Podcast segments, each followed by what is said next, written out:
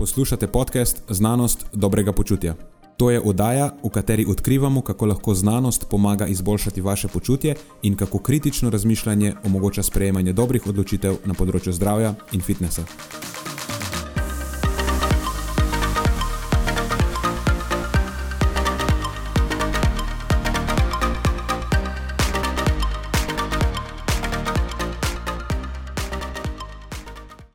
Pozdravljeni, z vami smo Nenad ter moja sovoditelja Matjaš in Jana. Tokratna epizoda je praktično v celoti namenjena športni prehrani. Na začetku se pogovarjamo na splošno o problemih v prehrani športnikov, oziroma o težavah, s katerimi se po naših izkušnjah športniki, tako rekreativni kot profesionalni, najpogosteje soočajo.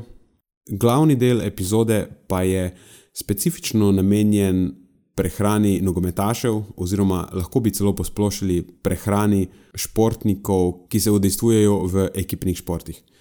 Na prehodu med obema temama pa seveda nismo pozabili na v januarju zelo aktualno tematiko in to je Veganuary izziv, ki je trenutno v polnem teku in za razliko od prejšnjega leta, ko je okupiral predvsem mene, tokrat na mojo srečo okupira predvsem Jano, ki se je prijazno ponudila in prevzela breme Veganuarja to leto. Preden začnemo, pa se moram zahvaliti še našim sponzorjem. Zaenkrat to še vedno ni velika korporacija, temveč zvesti poslušalci, ki nam izkazujete zaupanje in podporo s prijavo v našo člansko skupino Znanost dobrega počutja. Hvala vsem, ki s tem držite luči prižgane in omogočate podkastu, da raste in postaja še bolj kakovosten. Hvala tudi vsem, ki nas podpirate s pozitivnimi komentarji in visokimi ocenami, ter s tem, da priporočate podcast svojim znancem in prijateljem. Zdaj pa je končno čas za začetek epizode. Uživajte ob poslušanju.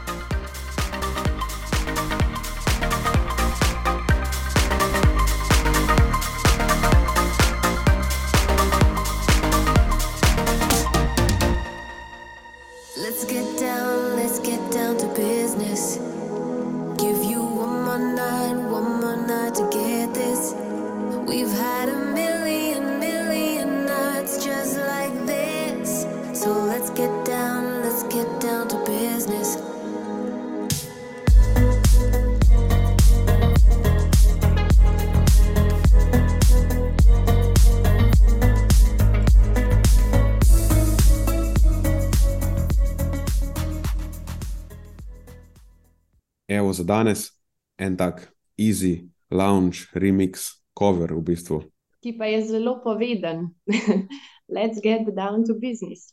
Ja, in v drugi rundi, ker smo prvič pozabili stisniti snemaj, je zdaj še bolj primeren, ker zdaj bomo pa res down to business. Ja. Matjaš tega nisi rabil povedati. Ej, mora biti malo, da veš, ozadja. torej, danes se bomo ukvarjali predvsem z eh, tekočim biznisom pri Filgudu. Najprej, absolutno moramo izpostaviti, da na začetku, ko povem, da ta podcast ni eh, sponzoriran, razen seveda strani naših zvestih Patreonov, za katerim smo izjemno hvaležni, da ni sponzoriran. To v bistvu ne drži. Podcast pravzaprav je sponzoriran in sponzorirajo ga Filgudove aktivnosti. Eh, ta epizoda pa še posebno je sponzorirana z strani Matjaževega programa, tokrat, ki se pripravlja na drugo izvedbo in to je prehrana za zmago. Ja, tako je. Tako je. Prehrana za zmago, to je naš uh, šesttedenski online coaching program, kjer obdelamo dobesedno vse, kar je relevantnega za športnika iz prehranskega vidika, na kar se da enostaven, priročen in, in poljuden način. Uh, in tako je, kot se reče, zdaj se pripravlja že, oziroma se postopno polni druga skupina in začnemo 26. prvi. Super. Primeren sponzor je predvsem zato, ker ta epizoda bo skoraj v celoti namenjena športni prehrani. Ampak, da je predtem začnemo, ker se mi zdi res pomembno, da malo več povemo o problematiki prehrane pri športnikih. Se mi zdi ena tako dost, ena tako dost zanemarjeno področje. Sej v končni fazi bomo tudi pri glavni temi ugotovili nekaj podobnega. Ja, res je. V, v praksi pogosto opažamo, da športniki ogromno vlagajo na najrazličnejša področja, predvsem treninga, seveda razumljivo. Uh, kakor tudi regeneracije na določenih naslovih z uporabo najrazličnejših, novejših strategij. In vse to je vsekakor izjemno, izjemno pomembno. Ta prehranski aspekt je pa tisti, ki uh, nažalost pogosto izostane iz te celotne enačbe, pa bi lahko v celotni zgodbi ogromno prispeval. Uh, že samo nekako pokritje tistih basic osnov športne prehrane, ki res ne rabijo biti zakomplicirana, uh, lahko ogromno prisostuje potem tudi na področju boljšega performansa, akutno in dolgoročno gledano za športnikovo uh, dolgoživost v karieri. Zdaj, zakaj točno je izpostavljena? Mm, težko reči. Malo smo se pogovarjali o tem, da je to mogoče neka taka miselna naravnanost športnikov, pa ne mislimo tega v slabem smislu, ker tako kot si ti rekel, Nenad, športniki tisti, ki zdaj to poslušate, ste posebna zverina, imate posebno miselnost in to je ta miselnost, ki vas seveda tudi pripelje do tega, da ste v končni fazi tako zelo dobri na svojem področju. Ja, nekako namignil sem na to, da um, do, če hočeš biti dober športnik, rabiš neke pos, um, ose, posebne osebnostne lastnosti, ki niso normalne v populaciji. In to je ta, da si fokusiran predvsem na zdaj, na, na ta trenutek, da lahko pozabiš na, na vse ostalo, da tudi ne čutiš pritisk, ne, ne, kaj se bo zgodilo v prihodnosti, kaj se dogaja okoli mene. In vpliv prehrane, čeprav pri športnikih to niti ne velja, ker je vpliv prehrane lahko zelo akuten, lahko izboljša ali pa poslabša performance zdaj, v tem trenutku. Ampak se mi zdi, da prehrano se vseeno Eh, dojema, pa tudi ja, večina vplivov prehrane je dolgoročnih, in potem to, se bo, kaj se bo zgodilo, ali pa kaj se bo dogajalo čez nekaj let, čez par let, ko se bo moja karijera zaključila, glih ni nekaj, kar je v prvem planu, in mogoče tudi zaradi tega lahko ostane stvar spregledana. In ja, ne želimo tukaj zdaj kogarkoli kriviti, ali ne, bo, ne bomo žugali s prstom. Bolj se mi zdi pomembno ozaveščati o tem, kako pomembno tudi je, da se vsem preizprašujemo o vplivih prehrane za športnike, v prvi, ja, v prvi fazi, akutno, kako na njihov performance vpliva, ampak potem tudi down the line, kaj to pomeni za dolgoživost njihove kariere. Ker na vse zadnje. Športniki, sploh v tistih tekmovalnih športih, ki so zelo priljubljeni in ki se lahko večino svojega denarja, recimo, prislužijo v svojih tekmovalnih letih, za njih je valjda zelo pomembno, da je, so potem ta tekmovalna leta desetletje ali pa še malo več, in da niso dve, tri, štiri leta. In, in Tako, to, vsako leto naredi razliko v končni fazi. Ja. Tako, pa eh. jaz, mogoče bi tukaj samo še dodala, da um, velikrat je tako kot pri splošni populaciji, mogoče se ne zavedajo, da sploh je z njihovo prehrano karkoli narobe. Um, oziroma, se jim zdi, da okay, se vnašam dovolj beljakovin, pa ne, mogoče se tako kot uh, za splošno populacijo nekako znano, da se oglikovih hidratov je mogoče boljš malo bolj izogibati ne, in nekako to delajo. In v bistvu pa na koncu ne naredi, da je športna prehrana tako drugačna. Ne, da, da kljub temu, da mislijo, da imajo spedenano, je, bi bilo fajn veliko še narediti takih manjših stvari, v bistvu, ki ne bi zahtevali veliko um, truda ali pa velike prilagoditve. Ampak ja, um, to, da se v bistvu ne zaveda pomena dobre prehrane, to ste že ugotovili, ja, ampak um, v smislu tudi prehranski svetovalci, ne, da, da ni dovolj samo, da greš na nek blog, pa pač da, da o prehrani ni vsak vir ena, en, en, enak. Ne, to, to je nekaj, kar Matjaš ugotavlja tudi pri delu športniki, ko se pogovarjava in pove. Da športniki tudi padejo pod vpliv teh raznih prehranskih trendov in uh, podobnih reči. No in da jih je, na, da jih je potrebno na podoben način resetirati kot, eh, kot splošno populacijo. Eh, edino s tem, da za njih morda je to, ko padejo pod ta vpliv, lahko še posebno škodljivo. Ker že to nek strah pred ugljikovimi hidrati že za, za splošno populacijo ni koristen. Ja. Splošna populacija ne samo, da se ne rabi izogibati ugljikovim hidratom, ampak načeloma se vzpodbuja, da se jim ne izogiba. Uh, je pri športnikih to še toliko bolj pereč problem, ker so ugljikovi hidrati glaven vir energije, pa v bistvu za vse vrste tekmovalnih športov. In izogibanje ugljikovih hidratov je pri njih še lahko posebno problematično, da ne rečem uh, katastrofalno. Ja, absolutno. In še posebej v zadnjih letih z naraščajočim pojavom večjih informacij na socialnih omrežjih in podobno, je to vedno bolj prisoten problem, še posebej pri mlajših.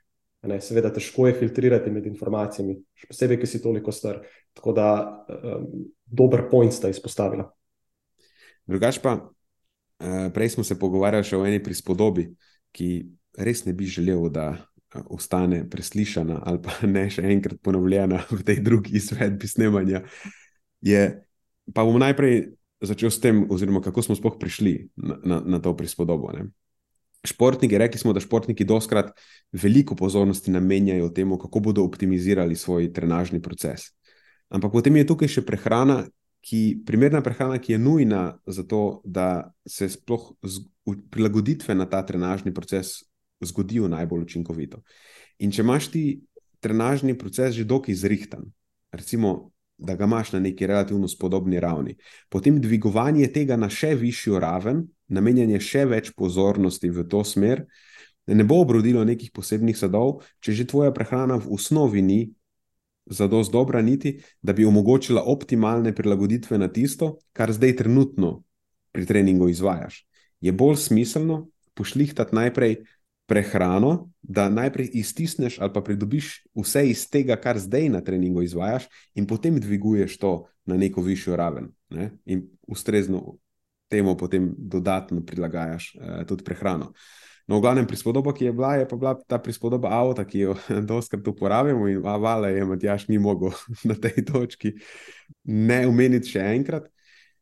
Eh, v glavnem v tej prispodobi, kjer vedno nekdo nadgrajuje samo trenažni proces. Recimo, to je isto, kot če bi pri avtu, samo nekem tekmovalnem avtu, vedno samo gledal, kako boš nadgradil boš, ne, motor, nadgradil boš eh, podvozje, eh, dodal boš nek nov spoiler, ne vem, kako boš izboljšal aerodinamičnost, itd. itd. Ne bi te pa zanimalo, s čim ga tankaš, zamenjaš olje in izvajaš ta neka vzdrževalna dela. In Až ne glede na to, koliko ti potem nek ta hardware avtomobila nadgrajuješ, ta avto ne bo šel nikamor, če, ga, če ne doliješ pravega goriva, pa če ne redno ne zamenjaš olja. A pa tudi v končni fazi, če ga zapeješ par krogov, vprašanje je, kakšna bo življenjska doba tega avtomobila. Ker znam, da je dosti hitro razpadel. Točno to. Ta formula ne bo zdržala dolgo časa na cesti, če je ne tankaš primerno in ne servisiraš. Ja, ja. Tako da namen Matjaževega programa je točno to. No. V bistvu je namenjen tako rekreativnim kot tekmovalnim športnikom. Se v končni fazi, danes imamo fulejnih rekreativcev, ki so tako zelo resni rekreativci. Kako bi ti njim rekel, Matjaž? Ah, to so vrhunski rekreativci. Uh, ljudje, ki, ljudje, ki vlagajo neko podobno, če ne celo enako mero v, v fizično pripravo, in imajo potem občutek, da samo zaradi tega, ker pač ne služijo kruh od tega, ker imajo službo, imajo družino, imajo itd. itd. Da potem več ne potrebujejo toliko veliko nekih prilagoditev na naslovu prehrane. Pa, pa ja, absolutno ja. Samo, samo zato, ker ne tekmuješ, ampak ob tem treniraš, podobno kot vrhunski športnik, ne pomeni, da tudi ti ne potrebuješ nekih prehranskih prilagoditev. Mogoče ne v enaki meri kot vrhunski športnik, ampak določene prilagoditve kljub temu. Mislim, na koncu je razlika samo to, da tvoje, tvoj vir dohodka ni odvisen od tega. Tako. Tvoje zdravje, pa verjetno tudi rezultat, če si resen, eh, kako se reko. Resen vrhunski rekreativec. Vrhunski rekreativec. V končni fazi te najbolj zanima tudi rezultat in potem tudi rezultat ti je pomemben. Če vlagaš neko določeno število ur, ki se lahko doskrat primerja celo z številom ur, ki jih vlagajo profesionalni športniki, pa najbrž to delaš zaradi rezultata. Mislim, verjetno v večji meri delaš to tudi zaradi nekega veselja, ki ti eh, ga ta aktivnost prinaša. Ampak tudi, če to upoštevaš, zdaj to veselje najbrž hočeš vzdrževati na dolgi rok. Spet ne. Je kup enih vzpodbud, zaradi katerih se splača ukvarjati s prehrano. Tako da v osnovi je program namenjen vsem, ki se zelo resno, ali pa vsaj semi resno ne, ukvarjajo. Eh, ukvarjajo športom, ni namenjen samo vrhunskim športnikom. In tako je, ti športniki že imajo svoj, svoj uh, trening porihtan, tukaj se pa pač ukvarjate predvsem s tem, kako zdaj prehrano na to je pa spet ena specifika tega programa, na kar se da neusiljiv, enostaven, ljudski, da se tako izrazim, način. Vzdržen. Um, vzdržen, ja, sej. Da to prehrano zrihta tako, da potem lahko trening, ki se izvaja, privede do prilagoditev, ki ne, želimo, da se zgodijo. Tako, Jaz bi mogoče prosila Matjaža, da ponovim citat, ki ga je že prej um, tako lepo povedal. Ja, citat, na katerega me je Nenad prej napeljal, je uh, last Askarja Jukendrupa, enega izmed bolj znanih športnih nutricionistov in športnih fiziologov. Uh, gre pa nekaj v tem stilu, da optimalna prehrana ne more sama po sebi spremeniti povprečnega športnika v vrhunskega, lahko pa spremeni vrhunskega športnika v povprečnega. In mislim, da se to zelo lepo aplicira na ta program.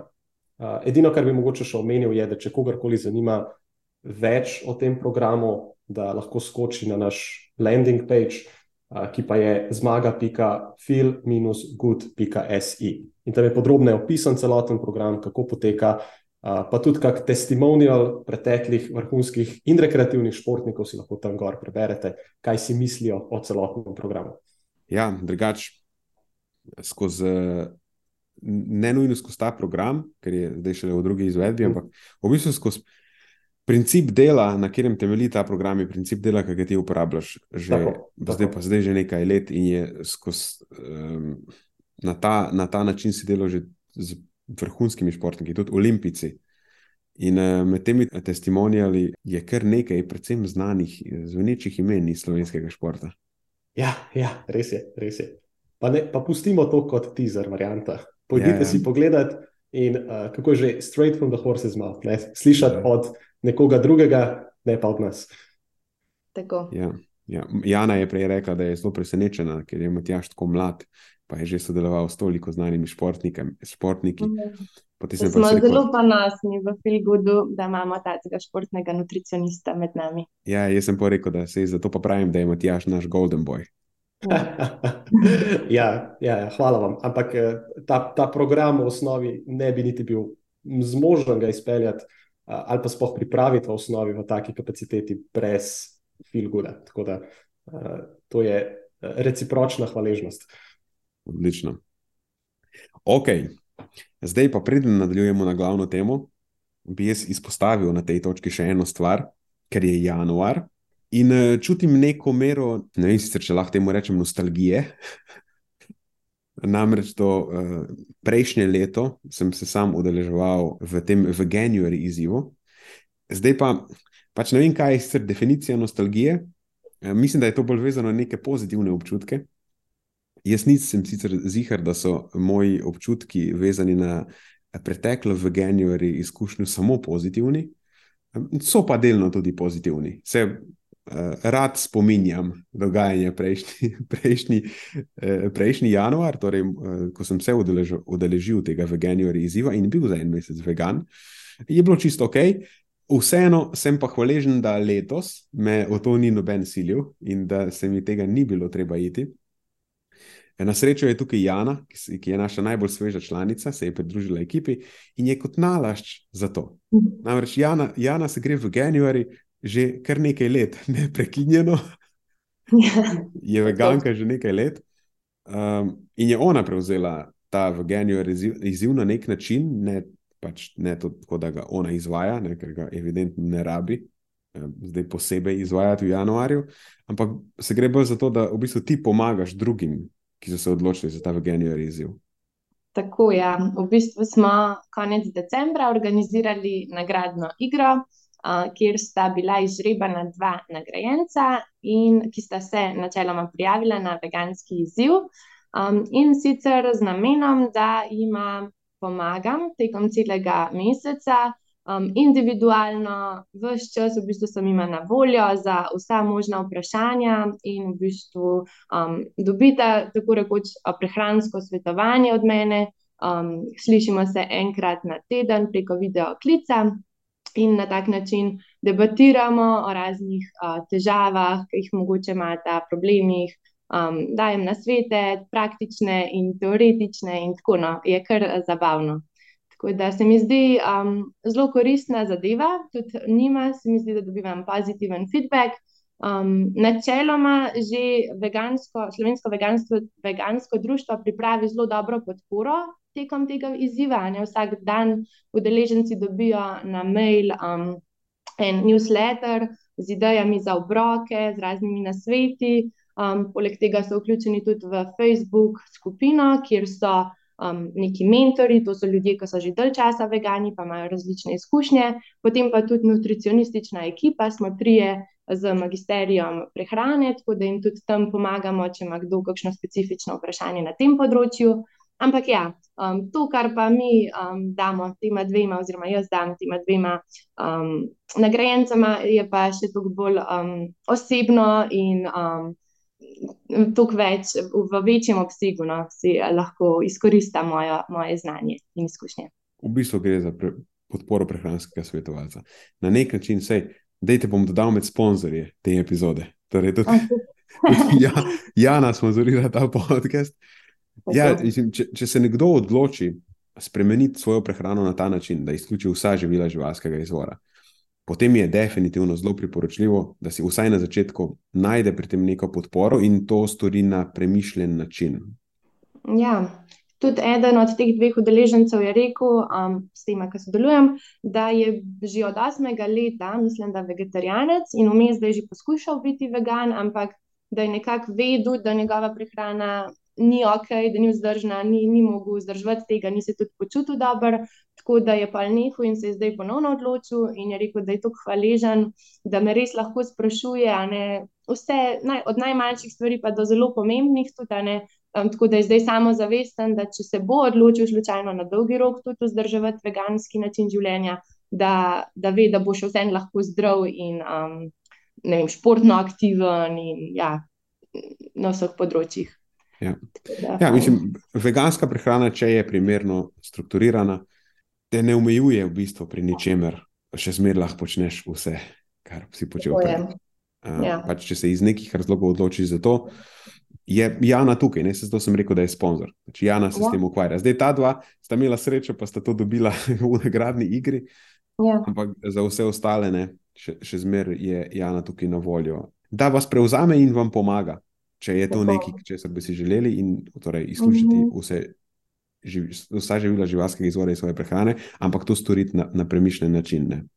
Um, ja, ker tukaj že veliko lahko narediš tudi z enkratnim posvetom. Um, da daš neke osnovna vodila, ki se jih potem ljudje pač bojo držali, ne, ker v kupu informacij, tako kot na vseh področjih prehrane, ne tudi na veganski, o veganski prehrani, kroži kup enih različnih, nasprotujočih si uh, informacij in je fajn slišati, um, kaj pa je res um, in kako se tega pravilno lotiti.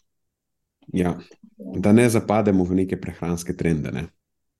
Um, tako da tudi ne, iz tega vidika je potem smiselno poiskati neko, neko pomoč ali pa podporo. Uh, ne se zanašati samo na to, kaj prebereš na internetih. Hmm. tako. Ker na internetu dejansko lahko najdeš vsako možno stvar, mislim, za vsako vem, um, teorijo boš najdel nek članek, oziroma pač, kar boš hotel najti, boš najdel. Hipotezo, Jana. Hipotezo, tako je. ok, kul, cool. torej v Januarju zaenkrat zgleda, kot da poteka vse po planih. Ja. Eh, še ena pozitivna stvar je ta, da zdaj, ki smo dobili Jano, ne, uh, smo nekako uspeli nekako spet uh, začeti, vsaj spletati prijateljske vezi z vegani. Ja, kar je edino prav. Um, meni je kar škoda gledati, da so razni. Razna negativna trenja, ali pa med komarkoli, med nami strokovnjaki za prehrano, ali pa tako ali pa drugače. Tako da mislim, da bi mogli vsi malo bolj znati sodelovati in um, ja, Jaz sem, jaz sem v preteklosti sicer probo ponujati roko. Ja. Ampak meni ta, ta, ta, ta ponujanje roke nekako ne grejo, mi pre, ne, ne grejo mi dobro od rok. Ja. Možeš uh, imeti več sreče, Jana. Ja. Ja. Zna biti, da sem se imel v preteklosti preveč zameril, ali pa enostavno sem nisem dober v ponujanju rok. ne vem, glavnem. Gre na Ja, bolje. No, pozitivno. Jaz To, je, meni, meni je to všeč. Sej vegani ste zanimiva množica ljudi, nima nič proti. Moje. V redu. Mislim, da smo se zadosto greli, da se lotimo glavne teme. Torej, danes se bomo ukvarjali z enim eh, člankom. Naslov članka, članek se navezuje na športno prehrano. Naslov članka je Dietary Intake, Body Composition and Performance of Professional Football Athletes in Slovenija. Objavljen je bil v Nutrients, letnica je 2022, 23 je. Tako je. Okay. Uh, avtor je Macuh in sodelavci. Kako se to dobro sliši? Me pa neki znan primek. Ja. In uh, na srečo imam tokrat prvega avtorja, prvega avtorja imam uh, na liniji, tako da bom kar dal besedo prvemu avtorju, da nam predstavi, da, v okviru česa je spoh ta članek nastajal. Super. Uh, pravzaprav nimaš samo prvega avtorja, ampak kar prve tri avtorje tukaj na liniji. Wow. Uh, celoten projekt je potekal v okviru um, ja, različnih projektov, od, od moje doktorske naloge do vajnih magistrskih nalog in še nekaterih drugih magistrskih nalog, ki so prav tako še v teku, kjer smo dobili priložnost sodelovanja z eno ekipo prve slovenske nogometne lige, in znotraj tega smo se potem lotili najrazličnejših prehransko obarvanih projektov. V osnovi je pa ta sam članek v bistvu podaljšek Janine magistrske naloge, vsaj ene izmed njih, ker Jana je seveda dvojna magistrica, ne, eden ni dovolj. uh, da, a povem mogoče za začetek par nekih tehničnih podrobnosti, o katerih smo se ukvarjali specifično znotraj te naloge. Ja, prevod, prebral sem samo v angleščini, -huh. je prehranski vnos, telesna sestava in performance oziroma telesna zmogljivost. zmogljivost profesionalnih nogometašev v Sloveniji. Torej, kot je Matjaž že povedal, dejansko gre za nogometaše, vsaj v Sloveniji, na najvišji ravni. To je eden izmed klubov, ne smemo povedati, ker je nažalost iz prve slovenske nogometne lige. Tako da to, to je, lahko rečem, to je vzorec, ki ga je zelo težko dobiti.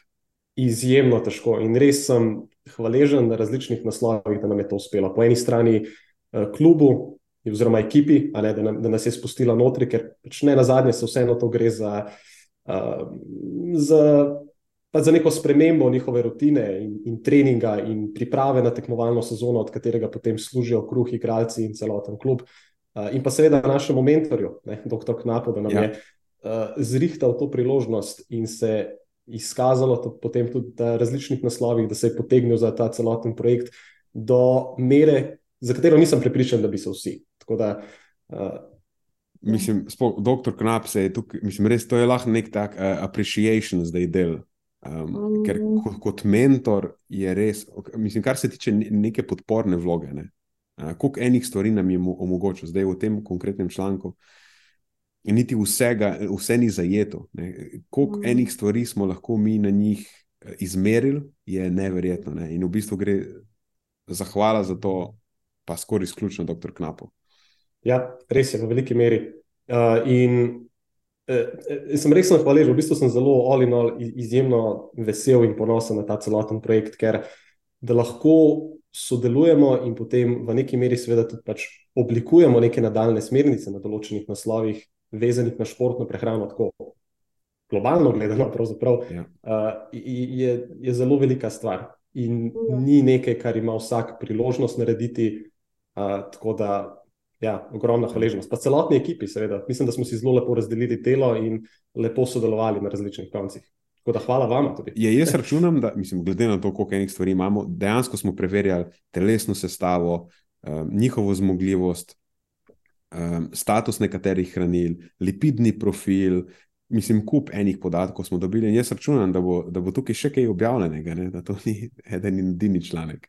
Ne, to je samo prvi izmed njih. Ja. Zdaj samo, nek, zdaj samo nekdo mora najti čas, da ostale podatke analizira. Glej, uh, kot glavni statistik v ekipi, veš, komu ta priložnost in čast pripada. Ja, bom pa vprašal, okoli. Um, ok, da se mi vrnemo na ta članek. konkretno ta članek je, torej, Matjaš, ti si že povedal, je uh, podaljšek ene, ene izmed Janenih magistrskih nalog. Tako da, da nam zdaj ti, Jana, povej, kaj točno smo delali tukaj. Uh, ja, tako je. To je um, podaljšek moje magistrske naloge, uh, ki sem jo imela na biotehnički fakulteti, in v bistvu je zajemal točno to, kar um, je že izpostavljeno v naslovu. Torej, um, gledali smo, kakšen je prehranski vnos um, teh nogometašev, se pravi, vse od energije do makrohranil, pa tudi mikrohranil. Um, potem smo gledali, če obstajajo kakšne povezave um, med prehranskim vnosom in pa samo telesno sestavo, in pa povezave med prehranskim vnosom in telesno zmogljivostjo. Um, tako da telesno sestavo smo merili z bioimpedanco, telesno zmogljivost smo pa se odločili meriti z Cooperjevim testom. Torej, 12-minutni tek, uh, kdo preteče, oziroma da pretečeš naj, najdaljšo možno razdaljo, kot jo lahko. Um, in zdaj ne vem, ali je smiselno, da grem že kar na rezultate, kaj smo dobili. V bistvu, kaj, ja, um, kaj si to hotel dodati? Ja, mislim, meni se zdi bolj pomembno ukvarjati s tem prvim delom, ko smo primerjali uh. njihovo prehrano z smernicami, obstajajo UEFA smernice. Ja. Eh, glede na obdobje, v katerem se nogometaši nahajajo, torej kakšen bi njihov prehranski vnos moral biti. To so zelo dobre evidence-based smernice. Tako da smo preverjali, primerjali dejansko, kak, kako njihova prehrana zgleda v primerjavi s temi smernicami. Se mi zdi, da je to bistveno pomembnejši del kot, kot same primerjave. S telesno sestavo in performancem. Tudi tam sicer se je pokazalo par zanimivih stvari, uh, Ampak na, na podlagi tistega, v bistvu, ne moremo nekih zelo konkretnih zaključkov narediti, ker vse je to samo ena ekipa. Uh, nismo imeli nekega, ali to ni bilo 200 nogometašov. Naš ja. vzorec je bil za te stvari dokaj omejen. Lahko pa precej povemo, kako njihova prehrana zgleda in kje mi vidimo, da so uh, problemi. Ja, se strinjam. Mogoče bi samo to dodal, da uh, smernice, o katerih govoriš, torej te, ki so bile izdane strani Zveze Evropskih nogometnih združenj UEFA. Uh, so tudi smernice, ki smo jih mi dva enkrat celo obdelali v eni epizodi podcasta, mm -hmm, ja, številka 34, če bo koga zanimalo, moče malo background na tem naslovu. Bi bil pa ta del, po mojem mnenju, res najbolj zanimiv, pa tudi najbolj uh, uporaben za širšo množico. Tako da, dajmo najprej predstaviti, če enkrat na hitro so te smernice. Mislim, da bo Jana to dobro znala narediti. Ja, te smernice so prišle ven leta 2021, tako da so tudi zelo sveže.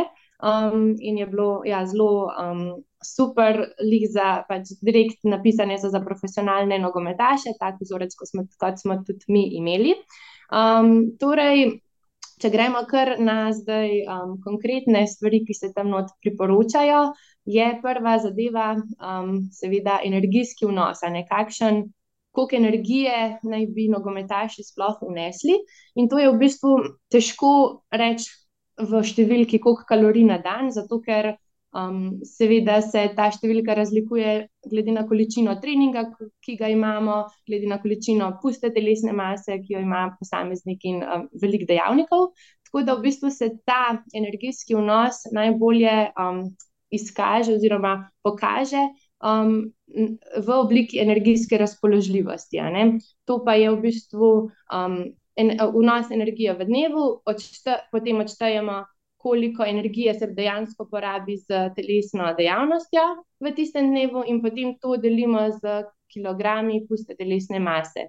In potem dobimo neko številko, ki je energijska razpoložljivost in ta se priporoča, da bi bila višja od 40 kilokalorij na kilogram puste telesne mase. Uh, in ta v bistvu meja smo ugotovili, da je bila kar zelo težko dosežena. Um, v bistvu v našem vzorcu 23 nogometašev smo imeli um, na razpolago.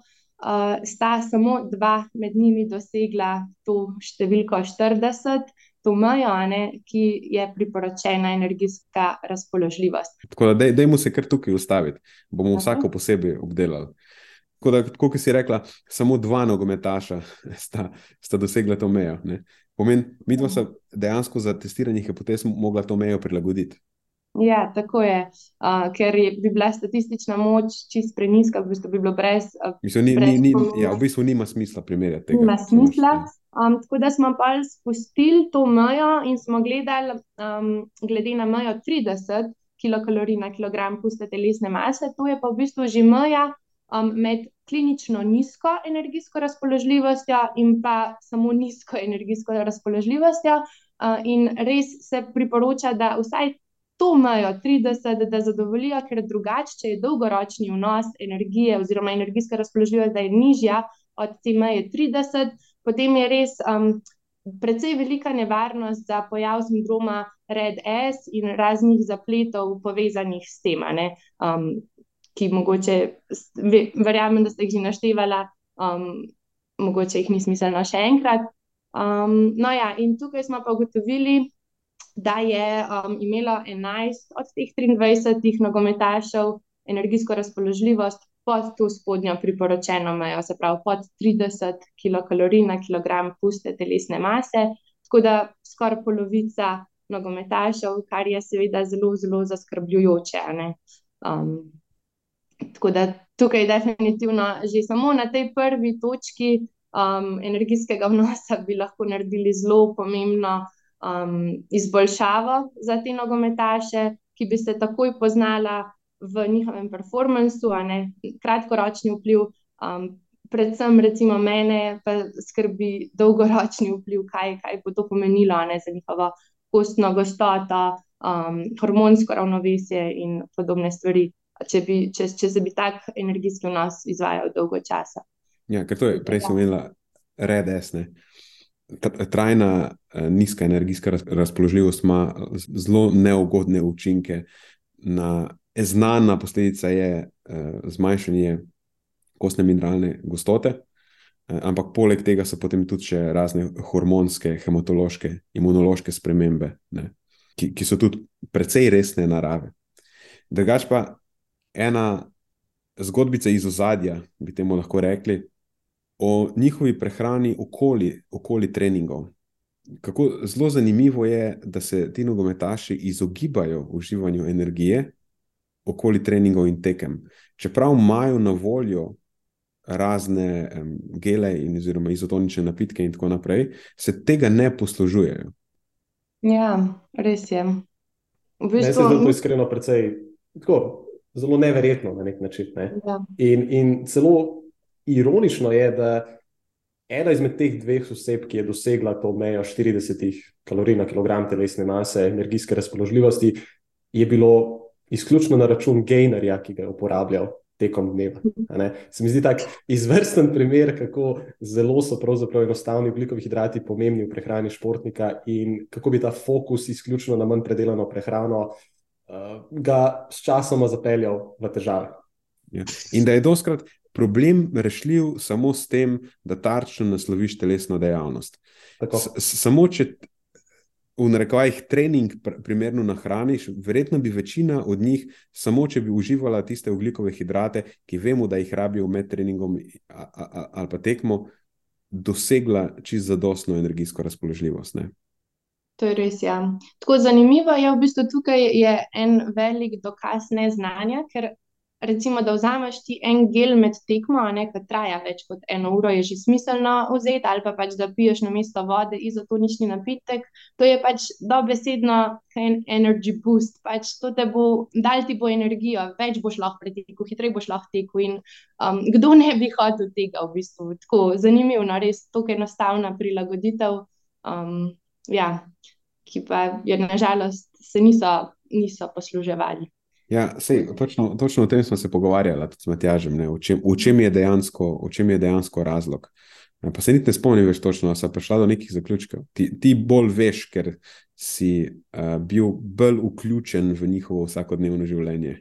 Ja, uh, v spominu imam nekaj, kar je v bistvu Jana že prej izpostavila in sicer to neko um, preveliko fokusiranost na prehrano za generalno populacijo, oziroma nekim tem smernicam, mitom, Trendom. jim lahko tudi rečemo, tako, ki, ki naj bi veljale pač za, za splošno populacijo. V tem primeru konkretno spet ta izostanek oglikovih hidratov. Ne? Češ oglikovi hidrati so glavni izlikovec za pridobivanje telesne mase in tako naprej.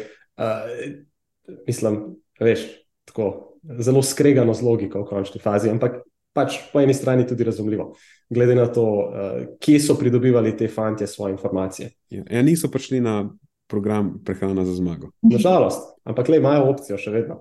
Ja, ja. Na, na nek način so bili deležni prehrane za zmago. Dejansko, da bi hotel povedati. Sicer ne vem, če to bo mogoče bo preveč razkrilo, ampak na koncu sezone, ne, po, po, po prehrani za zmago, so bili njihovi rezultati bistveno boljši. Ja, ja. ja. Res je, res je. Eh, dejansko so dobili neko beta različico tega programa. Ja, ja, ampak ja, ok. Da ne razkrijemo ja. preveč. Da ne razkrijemo preveč. Ja. In ko smo bili prej ravno pri oglikovih hidratih, bi mogoče kar povedala, kakšne so UEFA smernice. Ja, dajmo oglikove hidrate naslednje. Oglikovih hidratov. Torej, um, a ne UEFA priporoča, glede na um, obdobje, v katerem so nogometaši, nogometaši, ki smo jih mi. Um, Uh, s katerimi smo se ukvarjali. To obdobje se priporoča vnos med 4 in 8 gramov oglikovih hidratov na kilogram telesne mase. Um, in zdaj, se pravi, 4 je ta spodnja meja, ki je pač res minimum, ki bi jo želeli videti med temi nogometaši.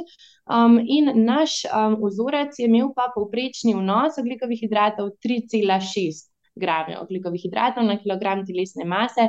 Tako da um, pod to spodnjo mejo, a ne še zdaj lečne v priporočilu s smernicami.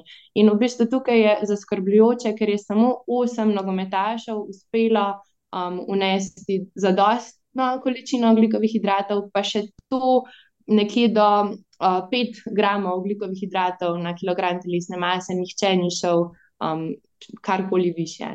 Tako da, ja, to, kot smo že prej govorili, bi bilo verjetno tudi zelo enostavno rešljivo, če bi samo pred, med in po treningu, po, pred, med in po treningom ali tekmi um, unesli nek um, dober vir oglikovih hidratov, in ja, bi, bi se verjetno ta meja močno dvignila. Ja, pa še tukaj najbolj vredno izpostaviti to, da, da je to pač povprečje njihovega vnosa 3,6. Ja. Kar pomeni, da sem imel v vzorcu potem posameznike, ki so uživali tudi okrog 2 grama ugljikovih hidratov na kilogram telesne ja. mase. Torej, dobesedno polovica manj od spodnje priporočljive ja. meje, kar pa ja. že zna biti precej zaskrbljujoče na nek način. Ja. V bistvu je šlo za precej nizek vnos ugljikovih hidratov v času. Kak... Te dnevniki so bili, prehranski dnevniki so bili res zanimivi. Ja, mm. včasih sem jih pogledal, pa sem pomislil, okay, če ga v dnevnik zdaj je to, je to nek vrhunski nogometaš ali je to ena gospa srednjih let, ki še trenira dvakrat na teden. ja. ja. Dajmo um, maščobe na stanje obdelati. No, če gremo kar na maščobe. Um, maščobe so pa v bistvu pri, priporočilo za maščobe strani UEFA med 25 in uh, 35 odstotki celodnevnega energijskega vnosa. Um, tako da to se na ta način um, meri, ne, glede na celodnevni energijski vnos. In naši nogometaši so imeli povprečni vnos maščob tik pod zgornjo mejo, se pravi, nek, mislim, da 34,7 odstotkov celodnevnega energijskega vnosa. Tako da, ja, tukaj že vidimo, da um, ne, če bi v bistvu čisto enostavno kakšno, kakšne maščobe zamenjali za kakšen vir maščobnega živila, zamenjali za vir oglikovih hidratnega, bi, bi že tukaj lahko marsikaj naredili, ampak glede na to, da pa tudi energijski vnos. Prenizek bi pa v bistvu bilo samo smiselno dodati oglikovih hidratov, a ne več oduzemati. Ampak, ja, no, um, tudi maščobe niso bile lih um, optimalne. V bistvu to je bolj res, kot da bi gledali nek prehranski vnos, povprečnega, um, srednje aktivnega človeka. Ne, ne sedečega skoraj. Sedečega, sedečega. Ja, ja, ne pa vrhunskega športnika, ki bi lahko imel veliko višji vnos oglikovih hidratov in maščobe, niso tukaj um, zelo pomembne. In tudi gledali smo njihov vnos nasičenih maščob, tudi te so bile nad priporočeno mejo, 10,5 odstotkov celodnevnega energijskega vnosa. Um, in ja, tudi za, za športnike se priporoča enako kot za splošno populacijo, da bi bil ta vnos nasičenih maščob pod desetimi odstotki celodnevnega energijskega vnosa. Ja, to je ta vnos nasičenih maščob, hribna, kjer jim umiram.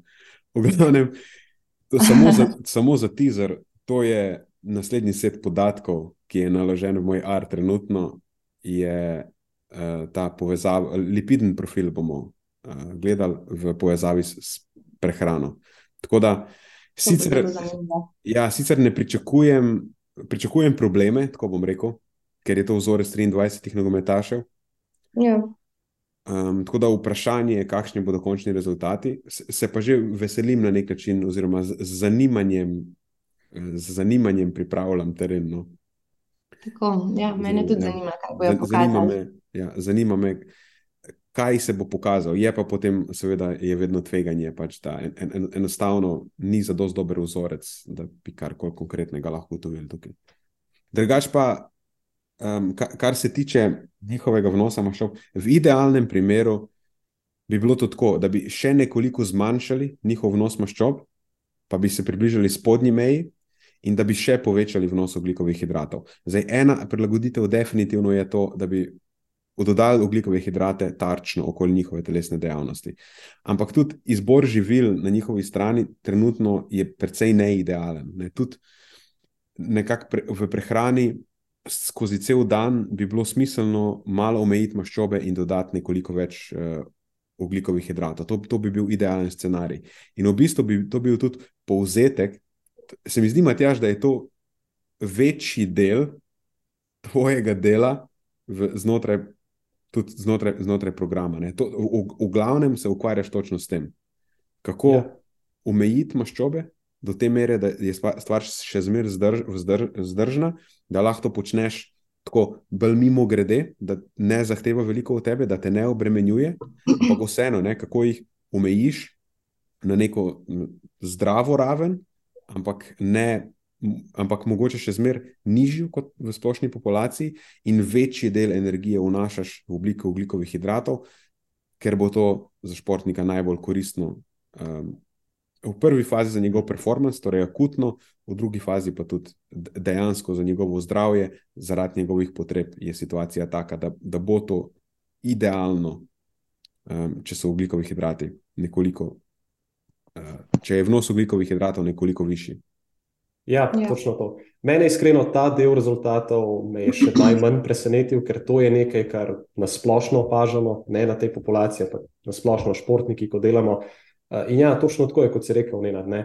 neko to razmerje med ugljikovimi hidrati in maščobami, recimo za generalno populacijo, ki nima nekih teh višjih športnih ambicij, recimo, da ni niti tako zelo pomembno, dokler se gibljemo znotraj nekega primernega vnosa energije in pa tudi zadostnega vnosa beljakovin. Ampak zgodba se pa precej spremeni, ko nam je v interesu optimizirati športni rezultat. Ne, tukaj pa je zelo smiselno omejiti na neko bolj smiselno raven te maščobe in to je pod tem zgornjo mejo poprečnega vnosa, kamor so oni prišli, uh, zato da lahko pustimo več prostora oglikovim hidratom, ne? in ne na zadnje tudi beljakovinom. Ja. Ja. Tukaj sicer temu lahko rečeš moje mnenje, samo uh, lahko jim povedati, če se strinjate ali pa ne. Samo v tem primeru, kar se tiče priporočil maščob, bi se meni zdi idealno omejiti maščobe na spodnjo mejo priporočenega, dočim ugljikove hidrate vzdrževati na zgornji meji. Tako da za me idealno v tem primeru za njih bi bilo tam 25 odstotkov energije iz maščob in 8 gramov na kilogram telesne mase ugljikovih hidratov. To, to, to, bi ocenil, ja, to bi jaz ocenil kot optimalen scenarij za njih mm. v tem mhm. primeru. Ja, absolutno podpiram to. Oni so bili pa glih ob, obratno, oziroma niti ne. Niti ja, niso obratno dosegali. za maščobe, pa ne za hidrate. Sploh. Ja, za hidrate pa sploh niso dosegli tega. Ja. To bi bila tako najbolj zanimiva intervencija, da bi lahko dobil celo skupino nogometašev, ki bi dejansko se pol leta ali pa kakorkoli držala teh priporočil in da, da se bi videli, kaj, kaj bi se spremenilo v, na vseh področjih. Se mi zdi, da bi bilo kar nekaj izboljšavno. Čakaj, Jana, da vidijo te rezultate študija, še kakšni večji klubi, pa po možnosti v Angliji in podobno, in nas potem povabijo tja, potem pa lahko vse to naredimo. Ja. Res bi bilo hudo imeti par klubov, ja. da, da bi imel vzorec stotih ali pa še več nogometašev. Ja, bo, bo treba še kakšen doktorat začeti. Ja, well. ok, dajmo mi zdaj, beljakovine so nam še ostale. Ja, beljakovine so bile pa najbolj svetla točka te um, naše raziskave, ker dejansko so imeli um, zadosten vnos beljakovin, torej UEFA smernice so priporočale za to obdobje vnos med 1,6 in 2,2 grama beljakovin na kilogram telesne mase, in njihov povprečni vnos je bil 1,8 gramov na kilogram telesne mase. Tako da v bistvu um, so bili v skladu s priporočili, Um, ampak kljub temu pa je bilo osem nogometašev, ki ni doseglo te spodnje meje, 1,6 gramov beljakovin, tako da nekaj prostora za izboljšave definitivno še je. Um, tudi tukaj bi rekla, če bi želeli optimalno, bi bilo absolutno najbolj, da so na zgornji meji bolj. Um, tako da ja, to, tukaj um, bi, bi bilo še prostor za izboljšave, ampak se mi zdi, da smo lahko zadovoljni um, s tem, kar smo videli na, na področju beljakovin pri njih. Ja, tukaj bi si izpostavil še eno stvar, da ja. lahko upoštevamo tudi to, je njih, kakšna je bila njihova energijska razpoložljivost. Glede na to, da je bila energijska razpoložljivost nizka, absolutno bi raje videl, da so na zgornji meji uh, pri, pri vnosu beljakovin. Ne, pomeni, ja. da če ne zaužívajo za dosti energije, vemo, da se tudi presnova beljakovin do neke mere spremeni. Mhm. Mm. In da, so, da je pusto tkivo bolj na udaru, da je pokazano, je, da je višji vnos beljakovin potreben za ohranjanje ja, mišične mase, oziroma tudi za optimalno prilagoditev v smislu pridobivanja. Je, je pa tako, da če bi imeli zadosten energijski vnos, oziroma zadostno energijsko razpoložljivost, to je zdaj spet samo moje mnenje, um, se mi zdi pa 1,6 či, čist, čist ok. Mislim, da večino, jaz sem v zadnjem, v zadnjem času nekako uh, se dogaja, da se moje stališče v zvezi z beljakovinami malenkost, malenkost uh, prilagaja. Nekoč sem mislil, da, da rabi biti vnos beljakovin zelo visok, a pa relativno visok. Uh, predvsej višji, kot so neke uh, smernice za splošno populacijo.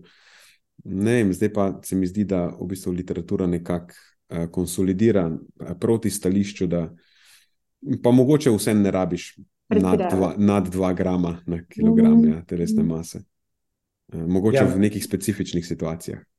Ja, mislim, da se najno mnenje ne ena tako nekako skladno, postopno spremenja. Ja. Uh, ampak, kaj smo, če smo še želeli izpostaviti tukaj, spet se tukaj pogovarjamo o povprečjih. In to povprečje je bilo v tem primeru, recimo, dvignjeno na račun, če se prav spomnim, dveh posameznikov, ki sta pa uživala tudi krepko preko 3 gramov beljakovin na kilogram telesne mase. In ena stvar je raziskava, ne druga stvar je pa potem delo s temi posamezniki tudi v praksi. Jaz bi si želel videti to poprečje za vse posameznike na tej točki. Mm. Dočim, kot se je omenila Jana, recimo za osem izmed njih je bilo to še vedno precej pod tisto številko, ki bi si jo nekako želeli videti. In, in potem, ko delaš v praksi s takimi posamezniki, je pač potrebno tudi delo individualne narave. In se še potem posebej fokusirati na te posameznike, ki pač malo izstopajo ven iz tega povprečja. To je pa potem pač uh, svoj vrstna umetnost na nek način. ja, Res je. Ja, tako da, če potegnemo črto, ne, samo tem, eh, pod tem delom, ko smo primerjali njihov dejanski vnos z samimi priporočili, je tako slika precej zaskrbljujoča, se mi je zdelo. Um, energijska razpoložljivost, sploh tukaj, sicer en, ampak lahko rečemo, zna biti, da smo malo podcenili njihov energijski vnos, oziroma vemo, kako nenatančni so ti vprašalniki. Uh mhm. -huh. Bodi si zaradi ja, njihovega poročanja, pol, obstaja kupenih ja. ene napake, ki um, se lahko uh, prikrade v, v ves ta proces. Mi smo sicer to probali, kar se da zamejiti, pa zadevo, kar se da sistematizirati, ampak ne moreš je v celoti. Uh, tako da tu je en, ampak samo še zmeraj številke so bile tako nizke, da tudi če to upoštevaš. Pa probaš skozi najbolj rožnata očala zadevo pogledati, ni ok. Potem pa tudi, če pogledaš dejansko njihove prehranske dnevnike in njihove prehranske izbire, tudi če je njihova energijska razpoložljivost višja, kot smo jo mi ocenili, še zmeraj potem sam vnos posameznih makrohranil je daleč, daleč od optimalnega. Res je. Ja. Jaz bi mogoče izpostavil še eno točko, te pa zdaj že malo izven te kategorije makrohranil. Uh, in to je bila spet ne presenetljiva na nek način, ampak vseeno tako nesmotrna uporaba prehranskih dopolnil na njihovem koncu. Uh -huh. Za da dam konkretne primere, recimo uporabljali so med drugim BCA-jke, L-karnitin, ZMA, ne, to neko mešanico cinka, magnezija. Uh, in med njimi je samo en nogometaž dopolnjeval z omega-3 maščobami uh, in mesgainer, ki sem ga prej omenil, ker je v njegovem konkretnem primeru izjemno koristno, ker je samo s tem prišel na neko uh, optimalno energijsko razpoložljivost in vnos ugljikovih hidratov, kje so potem recimo tukaj dopolnila, za katera vemo, da imajo veliko znanstvene podpore in lahko direktno pozitivno vplivajo na performance. Ne, recimo, kje, kje je kreatin, kje je beta-lanin in podobne stvari. Ne, večina izmed njih sploh še slišala ni za to. In spet ne, ne, ne govorim to iz nekega tako negativnega vidika, blatenja ali karkoli, ampak hočem samo prikazati to sliko, da se da še precej nekih stvari prilagoditi, spremeniti, izboljšati. Mhm. Ja. In na katerem koncu so se v bistvu oni lotili prehrane, so mislili, da okay, bomo malo optimizirali prehrano, so začeli z nekimi prehranskimi dopolnili, ki mogoče nimajo sploh nobenega učinka ali pa tako minimalnega, da mislim. Medtem ko pa osnovne dve stvari, energijski vnos in oglikov, vnos oglikovih hidratov, ni štimal. Ja. Zapravljen trud, v bistvu. Ja, če, če tisto malo kapacitet, ki jih usmerjaš ja. v, v prehrano, potem pokuriš na čist napačnem koncu. Tako. Tako. Ja, nogometaši so zelo zanimiva množica. No? Ja, iz, izstopajo, tudi med športniki iz, izstopajo eh, na zelo zanimiv način. Ne? Tudi, ker delaš z njimi, pač njihov odnos do, do, do življenja na splošno se mi zdi, da je precej poseben, da jim rečeš tako. Ja, res je, res je, strinjam se. In rabaš posebne prijeme za take načine dela. Ja, nekaj stvari jih je zelo težko prepričati.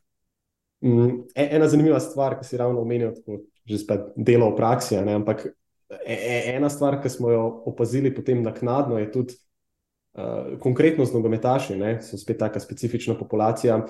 Kako pomembno je tudi, kdaj delaš z nekim klubom. Ker dobesedno par mesecev po zaključenih teh meritvah in intervencijah se je dobesedno polovica ekipe spremenila.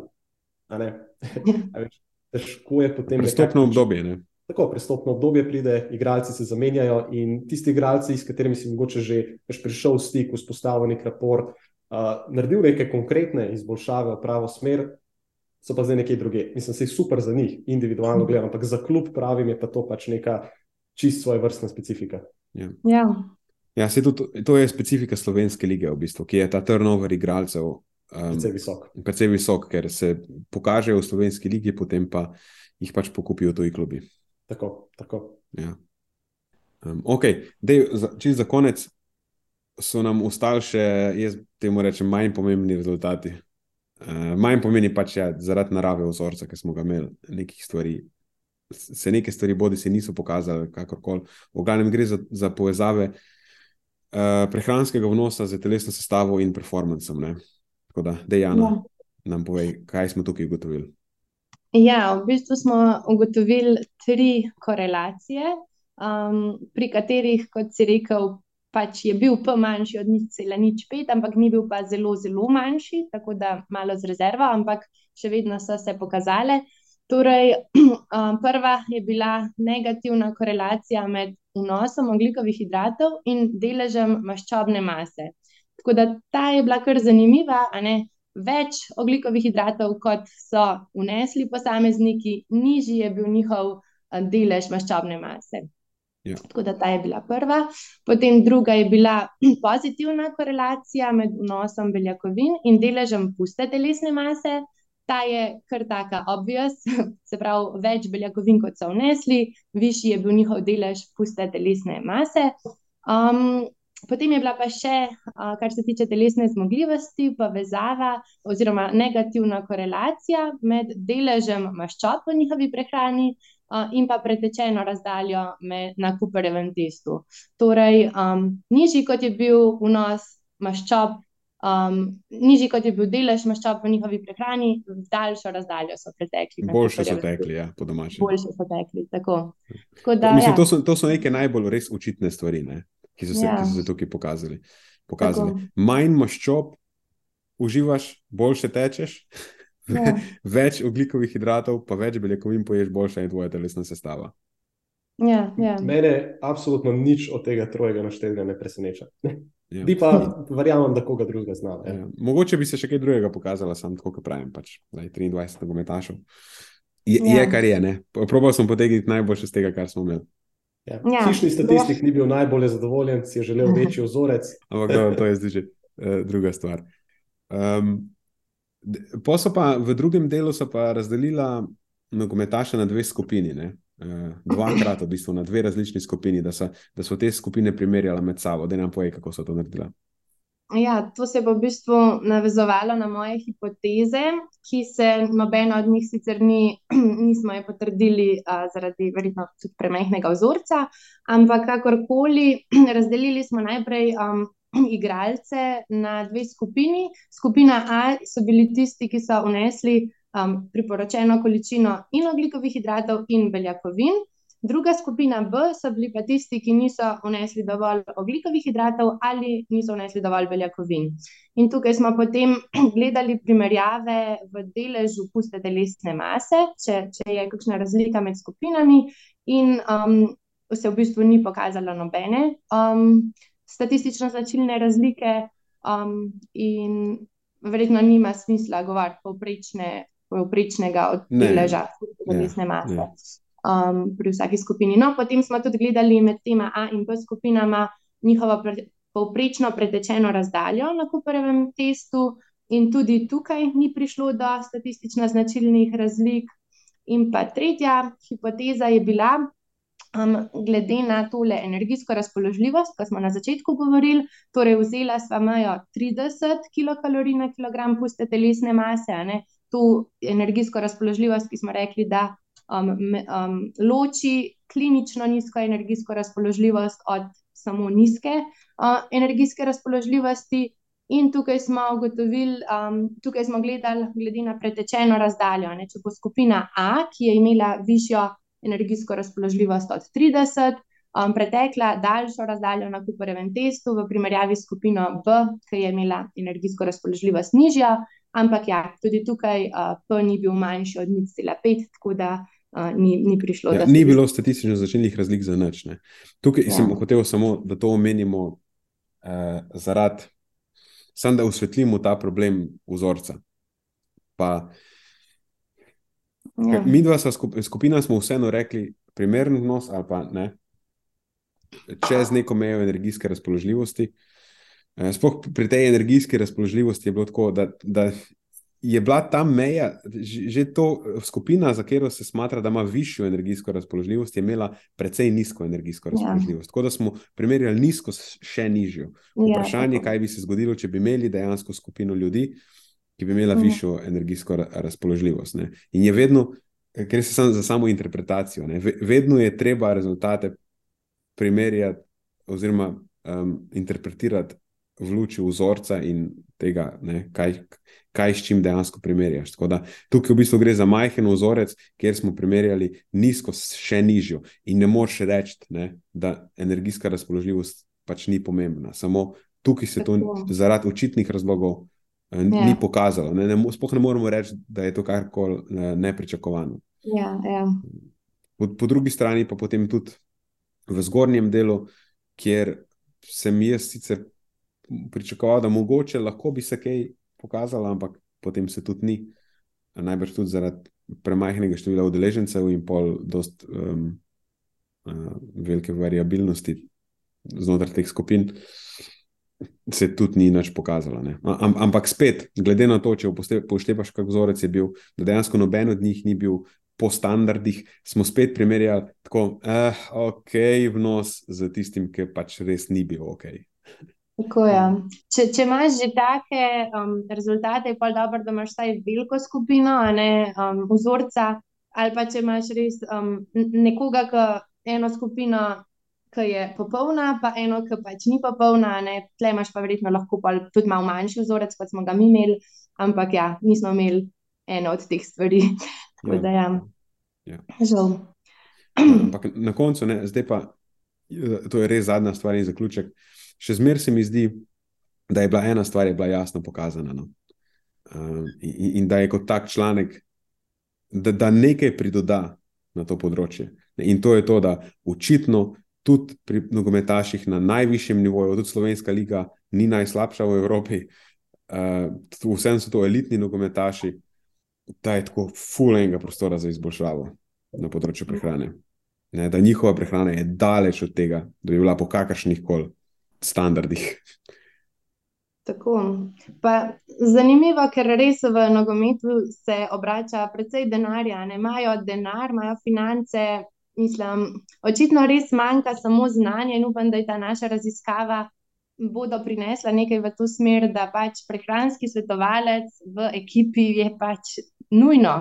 Um, vsaj, ja, mislim, da bi bili podobni rezultati v katerokoli, um, v kater klub bi šli pač gledati, da bi bilo zelo podobno. No. Tako da očitno je to nek problem.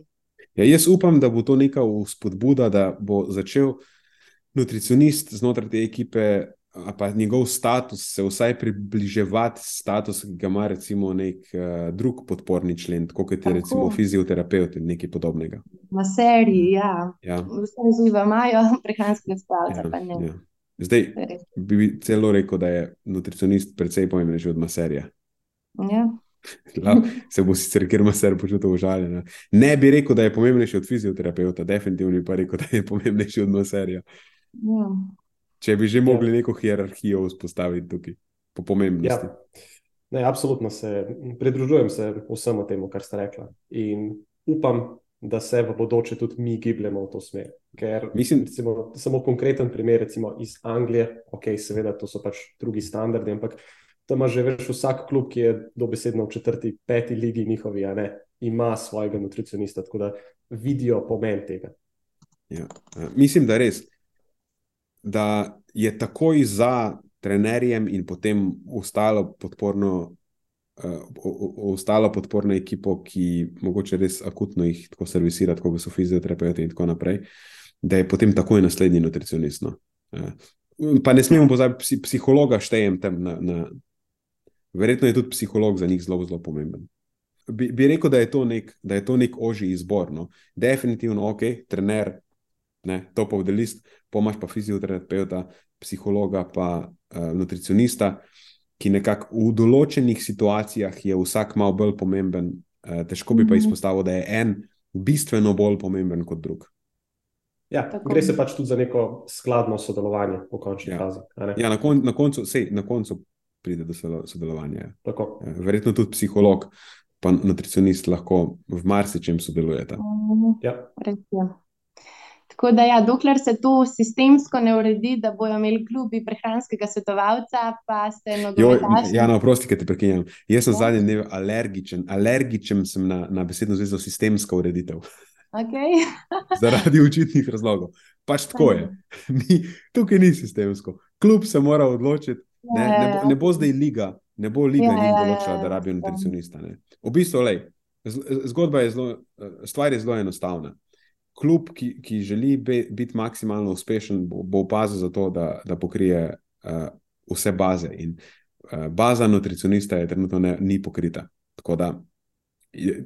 Imajo pa nogometaši priložnost priti na Matjažev program. Da, Absolutno. Ja, ja.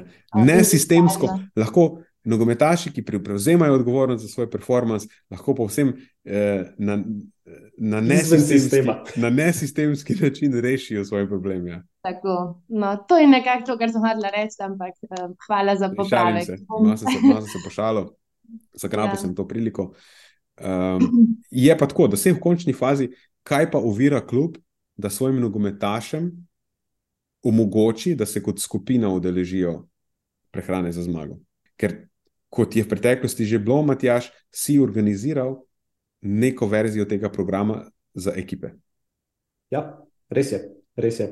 Med drugim tudi za to ekipo, s katero smo sodelovali, no, ja, košarkarski klubi, ali pa se je neka manjša skupina znotraj kluba, recimo spomnim se določenih hokejistov pri Olimpiji, in tako naprej odločila za neko tako skupinsko delo. In to skupinsko delo, še posebej pri teh ekipnih športih, ja. je pa še posebej fantastično, ker tako, tako je že razvit nek ekipni duh.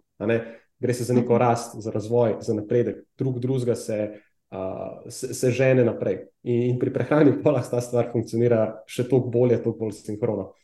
Ja, potem vključimo še um, kakšnega kuharja, ne, pa je pa sploh pika na i dodana, če imajo neke skupne organizirane zajtrke, kosila. Tako da to je pa sploh še dodana vrednost. V končni fazi tudi kuharji športnih ekip lahko pridejo na program. Ja. Ja. Pri njih se vse začne. Ok, super, mislim, da smo prišli do konca. Hvala vam za to.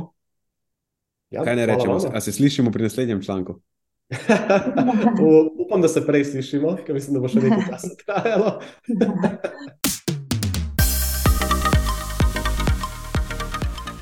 To je za tokrat vse iz naše strani. Hvala, ker ste poslušali do konca. Delite epizodo s svojimi znanci in prijatelji in jo priporočajte dalje, saj s tem omogočite, da sporočilo znanost dobrega počutja doseže čim večjo množico.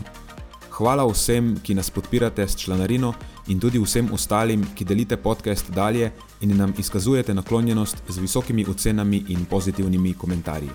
Se slišimo prihodnjič, do takrat pa ostanite premišljeni.